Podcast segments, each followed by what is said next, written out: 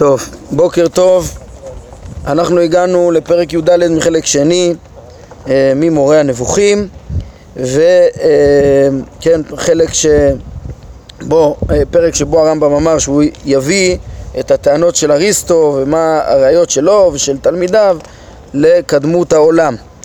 אני רק נזכר שיש משפט שאתמול ביארנו אותו והתקשינו בו קצת בסוף פרק י"ג ואחר כך התבררה לי כוונתו בצורה נכונה יותר.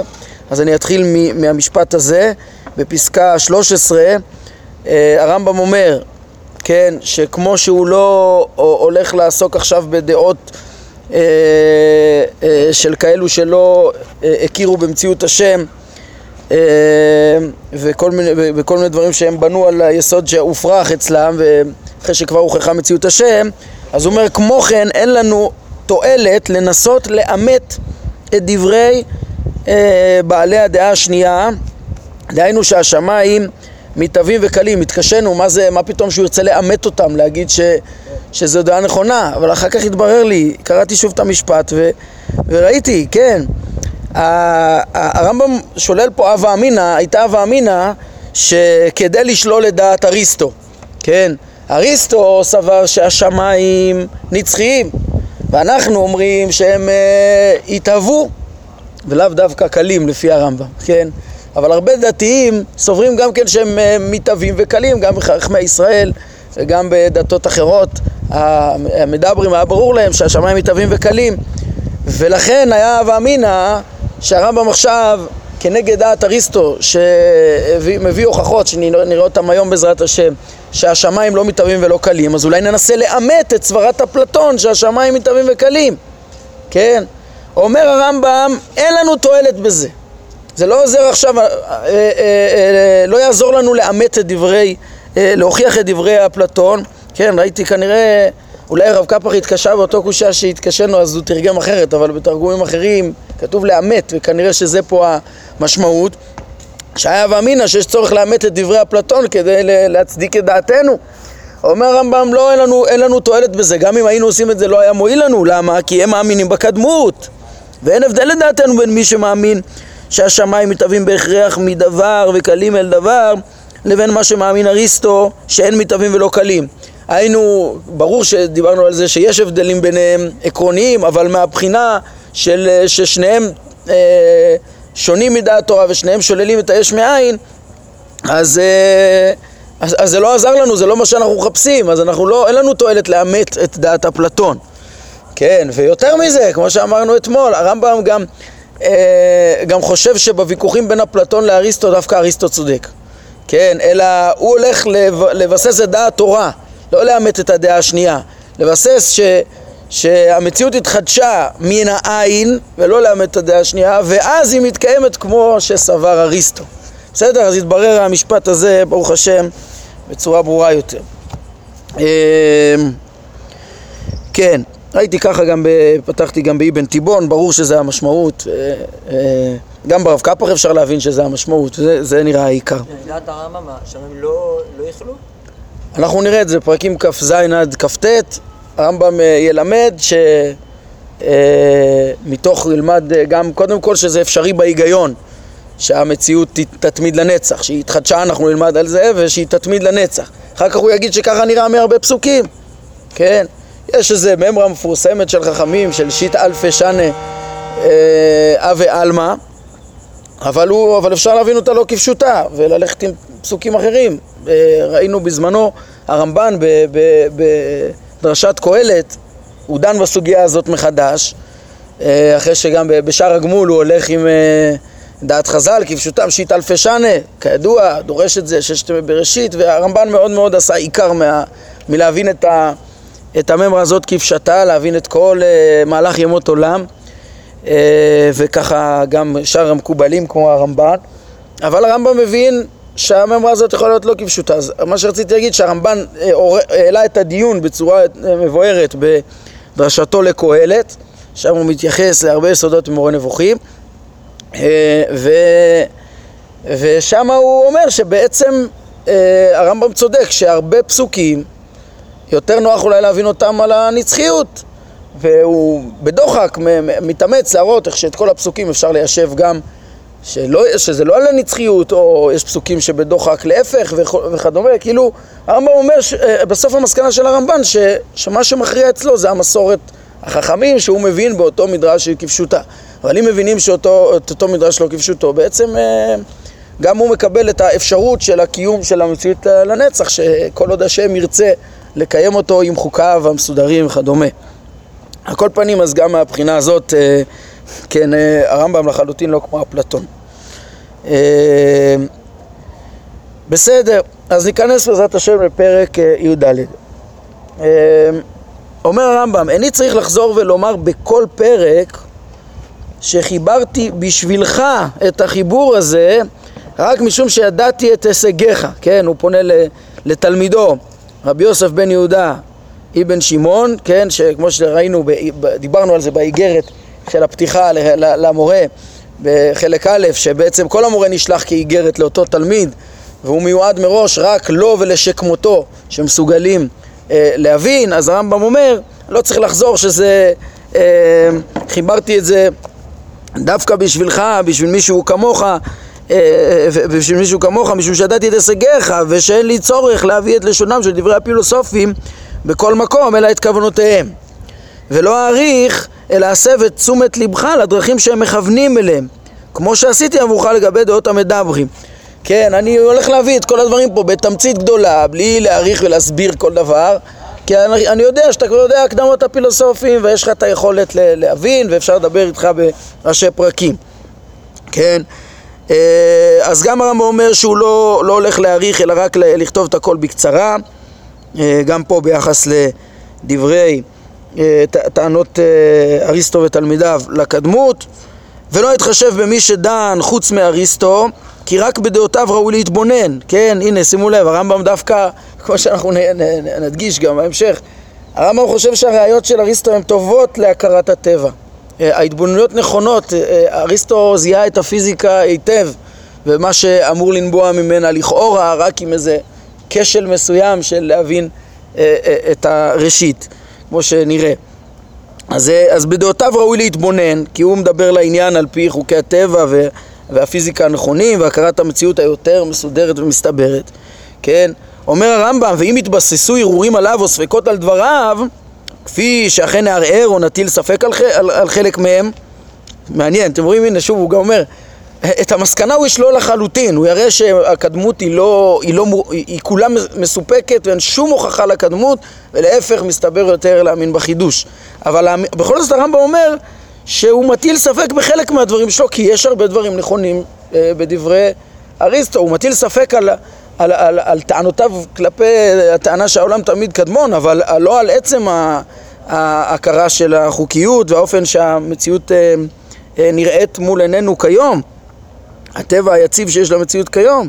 אז אומר הרמב"ם, אם אבל נטיל ספק בדברים של אריסטו, יהיה זה תקף ונכון עוד יותר ביחס לכל שאר החולקים על יסודי התורה.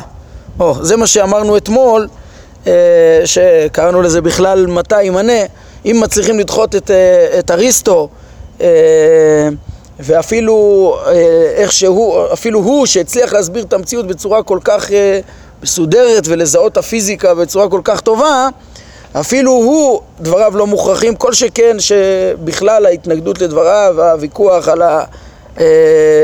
יש מאין, איתו, אז גם כן דעות שאר הפילוסופים שהרמב"ם כלל בדעה השנייה, כמו אפלטון, גם הם נדחות. אה, בסדר, אז, אה, אז, אז זה בעצם ההקדמה של הרמב"ם, הוא אומר אני הולך לדבר בקצרה וסומך על הידיעות אה, של התלמיד שלו ושכמותו, כן, ברוך השם גם אנחנו הגענו לפה אחרי הרבה הקדמות כבר של הכרה של המציאות שהרמב"ם הקדים לנו ומה שראינו מכתביו השונים. טוב, וכאן הוא נכנס לטענות של אה, אריסטו עצמו, ושוב אני רק יאמר בהמשך לכל מה שאנחנו אומרים, תשימו לב, הדברים של אריסטו הם לא רק אה, אה, טענות מוטעות כלפי חידוש העולם, אלא בזמנו כשלמדנו אה, יסודי התורה ולמדנו אה, על, אה, ביסוס, אה, שהרמב"ם מלמד על עיקר קיום מצוות, מצוות האמונה בביסוס, בביסוסה על ידי הכרת השם כמסובב הגלגל, אז שאלו, רגע, אבל מניין שהגלגל סובב תמיד? כן? אז הנה זה מכאן. כן? גם בתחילת החלק הרמב"ם דיבר על זה. אבל אה, כן, אפשר להבין? אבל בעצם שוב, פה אפשר להבין את הסיבה למה להניח, למה בזמנם היה ברור לפחות להניח שה, שהגלגל סובב תמיד, וזה, וזה חלק ממה שמוביל אה, להכרת השם גם. זאת אומרת, צריך לראות גם מה החלק הנכון ש, שבתוך הדברים כאן, ו, ולא רק אה, לשים לב לוויכוח מה לא הכרחי פה, למה לא הכרחי להגיע מכאן לקדמות. אה, לא הכרחי ולא נכון לפי הרמב"ם, ולא מסתבר ולא נכון. אז ניכנס לראיות, הראיות הן בנויות ככה, שהרמב"ם קודם כל מביא את הראיות של אריסטו עצמו, ש- שהתבונן במציאות, בפיזיקה של המציאות, בחוקיות של המציאות, אה, כדי להגיע לקדמות, זה מתוך ההתבוננות בעולם עצמו. אחר כך אה, זה ארבע טענות של אריסטו, ואחר כך הרמב"ם מביא שלוש טענות של אה, אחרונים ממשיכי דרכו, תלמידיו, שהוסיפו הכרחים, אה, הוא מביא הכרחים של התלמידים שמצד התבוננות באל, בחוסר אפשרות של השינוי אצל האל וכדומה, כמו שנראה. אז נתחיל בארבע ראיות של אריסטו, כן? הראיה הראשונה. אומר איפה, אומר הרמב"ם, שאריסטו אומר שהתנועה, וכוונתו לתנועה סתם, כן, כל אה, תנועה במרחב, בשינוי מקום, אה, אינה מתהווה ולא קלה. תמיד אה, תמיד תמיד הייתה תנועה, אף פעם לא התחילה התנועה אה, ואף פעם לא תיגמר התנועה, תמיד תהיה תנועה. אה, למה? עיון בפיזיקה אריסטוטלית, כן, מביא אותו למסקנה הזאת. כי הוא אומר, אם התנועה התחדשה, אם פעם אחת היא התחדש, כן, הכל היה סטטי ופתאום התחדש תנועה, הרי לכל מחודש קודמת תנועה, שהיא יציאתו לפועל וחידושו לאחר שלא היה. כן? היה אפשרות שהדבר אה, ינוע, והנה הוא נע, התחדש פה דבר, יש פה דבר ש... אה, אה, אה, אה, תנועה ראשונה ו- ו- וחידוש ראשון של המחודש הנע ש- שבעצם מתנועה והוא צריך סיבה והוא צריך מניע כן? אז גם לפני התנועה שהתחדשה הזאת, בעצם לפני התנועה הפיזית של שינוי המקום, היה חידוש דבר שגרם את, ה, את, ה, את ההנאה של המניע לתנועה הזאת, כן? ובעצם המניע זז, כן? זה, זה צריך להבין שגם אריסטו מבין שכל תנועה, ראינו את זה בהנחות, כל תנועה פיזית, כדי שדבר פיזי יזוז, חייב להיות ש, שיהיה איזה תנועה פיזית לפניו. דבר פיזי לא יזוז בלי איזה מגע פיזי, בלי איזה התקרבות פיזית, אה, השפעה פיזית עליו. אז בעצם ל, ל, ל, לתנועה ול... אה, או המחודש הראשון, סיבת התנועה, המניע הראשון שיניע את התנועה, אם הוא מניע דבר פיזי, אז גם הוא צריך בעצם להיות דבר אה, נע פיזי. אז הוא אומר, אם כן, גם לפני התנועה שכאילו רצינו להגיד שהתחילה, תמיד חייב להיות לפני התנועה. אם כן, התנועה קיימת, והיא התנועה שנוצרה באמצעותה אותה תנועה אחרונה, כן? אז אותה תנועה שדיברנו עליה, שהיא כאילו ראשונה או האחרונה, אז, אז צריך להיות לה תנועה לפניה תמיד, בהגדרה, בהבנה של אה, מושג התנועה. נמצא שהתנועה הראשונה קדומה בהכרח, למה? כן, זה, זה חייב להיות גם קדמון לאינסוף, כן? אחרת היה נמשך הדבר אחורה לאינסוף, וכבר למדנו ששלשלת סיבתית לא יכולה להיות אינסופית, כן? כשאנחנו רואים תוצאות לפנינו, אז חייב להיות שהיה ראשית לדבר הזה. ממילא יש, יש איזה אה, אה, תנועה, כן, מה הפתרון של אריסטו? זה להבין שהגלגל נע תמיד אה, במקומו, כן, ומכוחו מתחדשות כל התנועות, כן, ואז, אתה, ואז פתרנו את הבעיה, כי יש תנועה ראשונה קדומה. מהי התנועה הראשונה הקדומה? סיבוב הגלגל, כן, שהיא אף פעם לא התחדשה, והיא, אה, ומכוחה כל התנועות. לא צריך פה שלשלת סיבתית אינסופית, כי יש פה תנועה אחת, מניע אחד קדמון, שתמיד נע ולכן אה, מכוחו כל התנועות. כן, לפי העיקרון הזה, הוא גם אומר שהזמן אינו מתהווה ולא קלה. למה? לפי שהזמן הולך אה, אחר התנועה ונלווה אליה, כמו שלמדנו בפרק י"ג, כן, גם, שגם הרמב"ם מבין ככה את, את מהות הזמן. ואין תנועה אלא בזמן. כן, אין דבר כזה תנועה בלי זמן, זה שינוי דבר אחר דבר, כל תנועה, כן, הזמן הוא מקרה נלווה לתנועה, אה, מקרה נספח לתנועה, כן, ו- ו- ואין לתפוס שכלית את הזמן אלא בתנועה כמו שהוכח, כן, גם, גם המושג זמן הוא קיים רק כשיש תנועה. אה, ובעצם, כן, אם יש תנועה נצחית יש איתו זמן נצחי, אה, כן, ואם יש זמן אז גם זמן נצחי זה, זה הולך ביחד עם תנועה נצחית. זו אם כן אחת מהדרכים שלו שבה הוא מחייב את קדמות העולם, עוד פעם מתוך ההבנה שכל תנועה צריכה לקדם, לקדום לתנועה וזה לא יכול להיות שלשלת אינסופית אז צריך להיות בעצם, אה, כן, באופן עקרוני הוא אומר צריכה להיות תנועה קדומה אבל זה לא יכול להיות שלשלת סיבתית אינסופית לכן צריך להיות הגלגל כמו שהסברנו שהוא עצמו נע אה, במקומו אה, תמיד. זה הדרך הראשונה שלו אה, כן, תשימו לב שהדרך הזאת בעצם בנויה על גבי, אה, ה... היא, היא בעצם מחייבת את הקדמות על גבי הבנה שבלתי אפשרי שיהיה יש מאין. זאת אומרת, אריסטו מתבונן בחומר ורואה בחוקיות שבחומר גם כן, שכל תנועה צריכה לקדום לתנועה ו- ו- ו- ולכן ברור לו שזה כך היה מאז ומעולם, אבל אם אנחנו אומרים שיכול להיות יש מאין, שהרי אין שום אה, הכרח לוגי לסתור אותו, כן? אז הבורא יכול לחדש אה, תנועה ראשונה, לחדש אה, חומר ראשון ונע ראשון, והוא גם יכול לחדש את הגלגל כמניע הכל, אה, כן, בתכונה הזאת, ואין אין, אה, אין בעיה, זאת אומרת, הטענה שלו מאוד יפה להתבונן בפיזיקה, והרמב"ם מסכים שככה העולם בנוי. ככה הפיזיקה בנויה, שלכל תנועה צריכה לקדום תנועה, אלא שיכול להיות שיום אחד הבורא הביא את, ה, את החומר למציאות והניע אותו גם. כן, זה קשור לוויכוח, האם, אה, למה אריסטו לא אומר את הדבר הפשוט הזה? זה, זה, זה, כי, כי הוא חושב שיש מאין הוא דבר נמנע. בעצם, מה הכוונה? גם, גם, גם שהבורא ייצור אה, חומר מן העין, זה גם נמנע, כי הוא מבין שהבורא שופע ממנו שפע שכלי, כן, אה, אבל הוא לא, הוא לא אה, יברא גם מציאות אה, חומרית. המציאות החומרית, כן, זה, זה, היא, היא, היצירה שלה זה על ידי, לפי אריסטו זה יולי קדמון, יש, במציאות יש כאילו היעדר, היעדר אה, דבק לחומר, היעדר דבק לכל מה שהוא לא מחויב המציאות בעצם.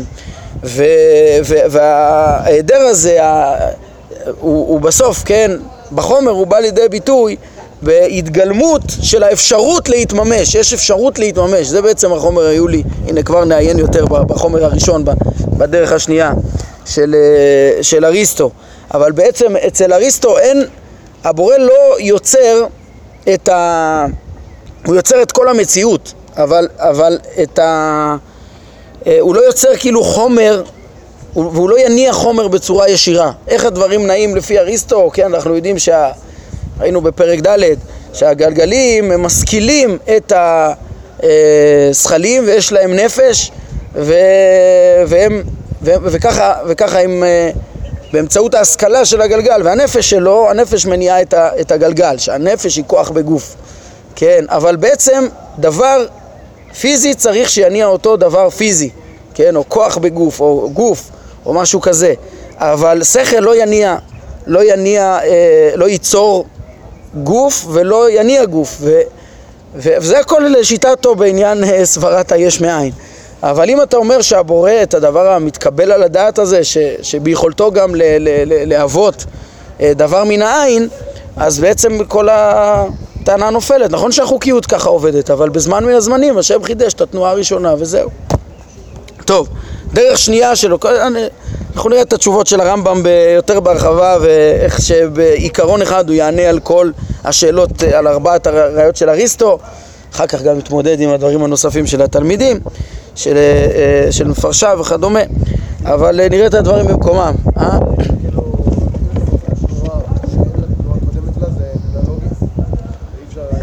אה, אה, אנחנו יודעים איך חומר יכול לזוז בפיזיקה כל דבר חומרי יכול לזוז רק אם יניע אותו דבר חומרי אחר. אי אפשר אחרת. אז אם זה קודם, אז, אז אתה הולך אחורה, אתה מגיע לאינסוף, אתה חייב תנועה קדומה. לא לחדש... ולדעתו זה גם בלתי אפשרי שיהיה משהו מן העין, שכאילו פתאום יום אחד השם יניע, יברא דבר חומרי, יניע דבר חומרי. אז ממילא חייב להיות לפי הפיזיקה, שזה יהיה קדמון. אבל אתה מוסיף את, ה, את האפשרות של האש מן העין, ואז אתה אומר מצוין, זו הפיזיקה שהשם חידש. כן. אה, אבל שוב, כמו שאמרתי, התשובות, התשובות לכל הטענות של אריסטו מהמציאות זה בפרק י"ז, ואחר כך לתלמידים שלו זה בפרק י"ח. אה, ונראה את זה בעזרת השם שם יותר. אני מעיר ככה במשפט אחד, שלא תישארו בשאלה, או שנתפוס טוב את, ה... טוב את העניין, את הוויכוח.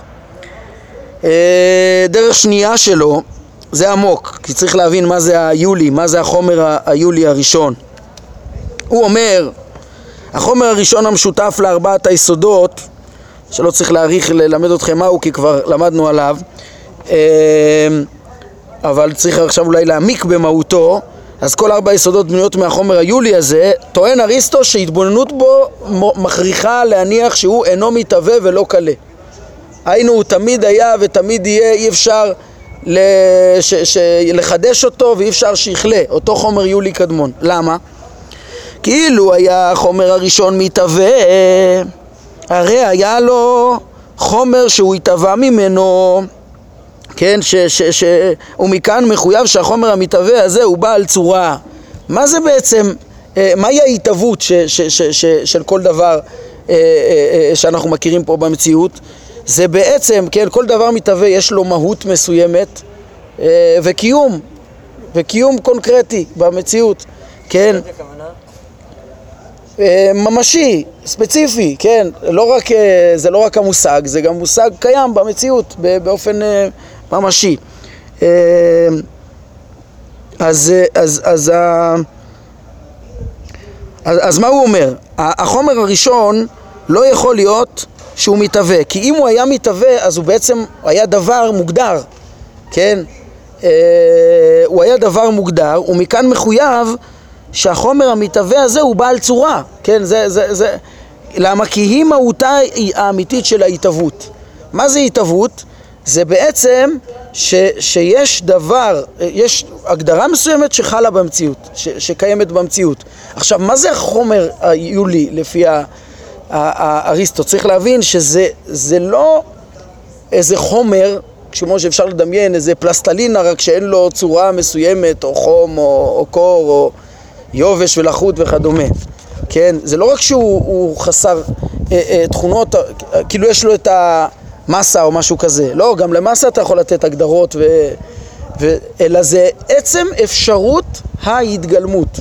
כן, הזכרתי, אני חושב, את ההגדרה שהכוזרי מביא בתחילת מאמר חמישי בשם אריסטו לחומר הזה, ש... שאי אפשר לראות את, ה... את החומר בלי צורה. אין... אי אפשר... ל... כאילו החומר הזה הוא ערום, ולפיכך הוא, הוא בוש מלהיראות ערום, ולפיכך אינו נראה אלא חסר צורה. אה, אה, הוא לא נראה אלא לבוש צורה, הוא לא נראה חסר צורה אלא לבוש צורה. מה הכוונה? כי החומר הוא בעצם הפוטנציאל ההתגלמות, כן? יש לנו את הצורות, את המהויות, ויש אותן מגולמות במציאות שמחזיקה רק זמן מסוים ומתפרקת, וכן? אפשר לזהות מהויות, חוקיות במציאות, חוקיות ומהויות של יצורים שונים, ובכל עצם בעצם גשמי אתה יכול להגדיר מהות, אבל אתה שם לב שיש הבדל בין המהות הזאת, בין שהיא באופן תיאורטי לבין שהיא קיימת. מה ההבדל בין, בין המצב שהמהות נמצאת ברעיון, בדעתו של אדם, לבין הקיום הקונקרטי שלה, ש, שבעצם, כן, עכשיו היא בחומר. ההבדל הוא שקודם היה לה פוטנציאל התגשמות, ועכשיו הפוטנציאל הזה מומש. אבל, אבל זה לא שהפוטנציאל התגשמות, כן, הוא החומר היולי, הוא לא שהוא ממשות אה, שאפשר ל, ל, ל, לתת לה איזה תכונה, איזה צורה כמו שהיא, אלא פשוט צריך להכיר במציאות שיש אפשרות שהצורות יופי, יתממשו.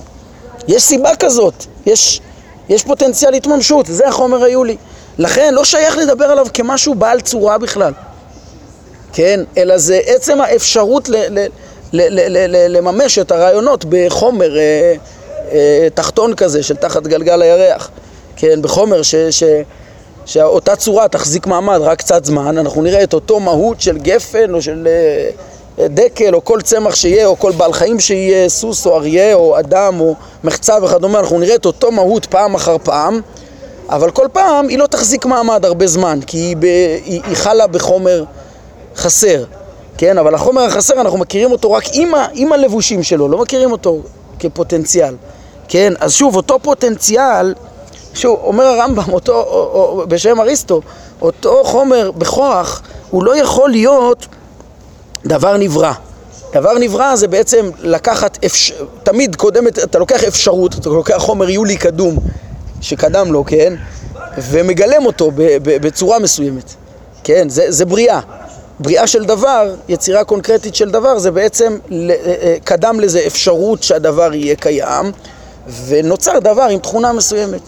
אבל החומר היולי אנחנו מדברים על, ה, על, ה, על, על הסיבה הראשונה, כן?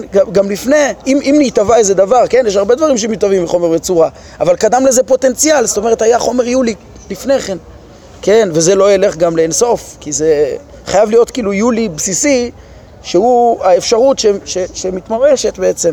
זה בעצם המחשבה, כן? אז, אז אה, אה, אה, של אריסטו, שלא שייך לדבר, החום, ההגדרה של החומר היולי, אם מבינים אותו, זה מסתרי תורה לפי הרמב"ם, ראינו בחלק א', פרק י"ז, וראינו שזו הייתה גם ההשגה של אצילי בני ישראל. אם אתם זוכרים, נראה לי פרק כ"ח בחלק ראשון, ונראה את זה גם בפרק כ"ו בחלק הזה, של ויראו את אלוהי ישראל תחת רגליו כמעשה לבנת הספיר, כעצם השמיים לתואר. אז הרמב"ם אמר שאותו לבנת הספיר, אותו אה, שקיפות שיכולה להכיל אחר כך את כל הגוונים, שהיא תחת רגליו, שהיינו שהיא בסיבתו של הבורא, שהיא קיימת בסיבתו של הבורא, זה החומר היולי, וזה מה שהשיגו אצילי בני ישראל, כן? אה, אז זה דבר עמוק מאוד להבין את זה, וזה, וזה להבין את הרשיות ולהבין איך הכל בסוף נמשך מהבורא, זה, זה הבנות עמוקות וחשובות. אז, אז uh, על כל פנים, כשמתבוננים בחוקיות, איך שהמציאות בנויה, איך שאריסטו מזהה אותה, ש, שיש פה פוטנציאלים uh, uh, להתממשות של צורות, להתגלמות במציאות שמתממשים, שזה בעצם המושג של התגלמות חומר בצורה. התחברות חומר וצורה, זה, זה ההתהוות, התהוות של כל uh, מתהווה, אנחנו רואים פה צורות, מהויות, מתהוות בחומר ומתממש הפוטנציאל הזה, זה החומר היולי הבכוח אז אנחנו בעצם uh, מבינים שקודם אפשרות בכוח. קודם חומר יולי, וזה לא מושג שיכול להיות נברא. זה טענת אריסטו, איך שאנחנו מכירים את החוקיות פה במציאות. כן, אומר, אני רק משלים פה את הראייה, מה הוא אומר? ואנחנו אה, הנחנו שהוא חומר שאינו בעל צורה, כמו שהסברתי עכשיו. אם כן, הוא בהכרח לא מתהווה מדבר, כן? כי כמו שאמרנו, כי התהוות זה חלות תכונה, מהות, הגדרה.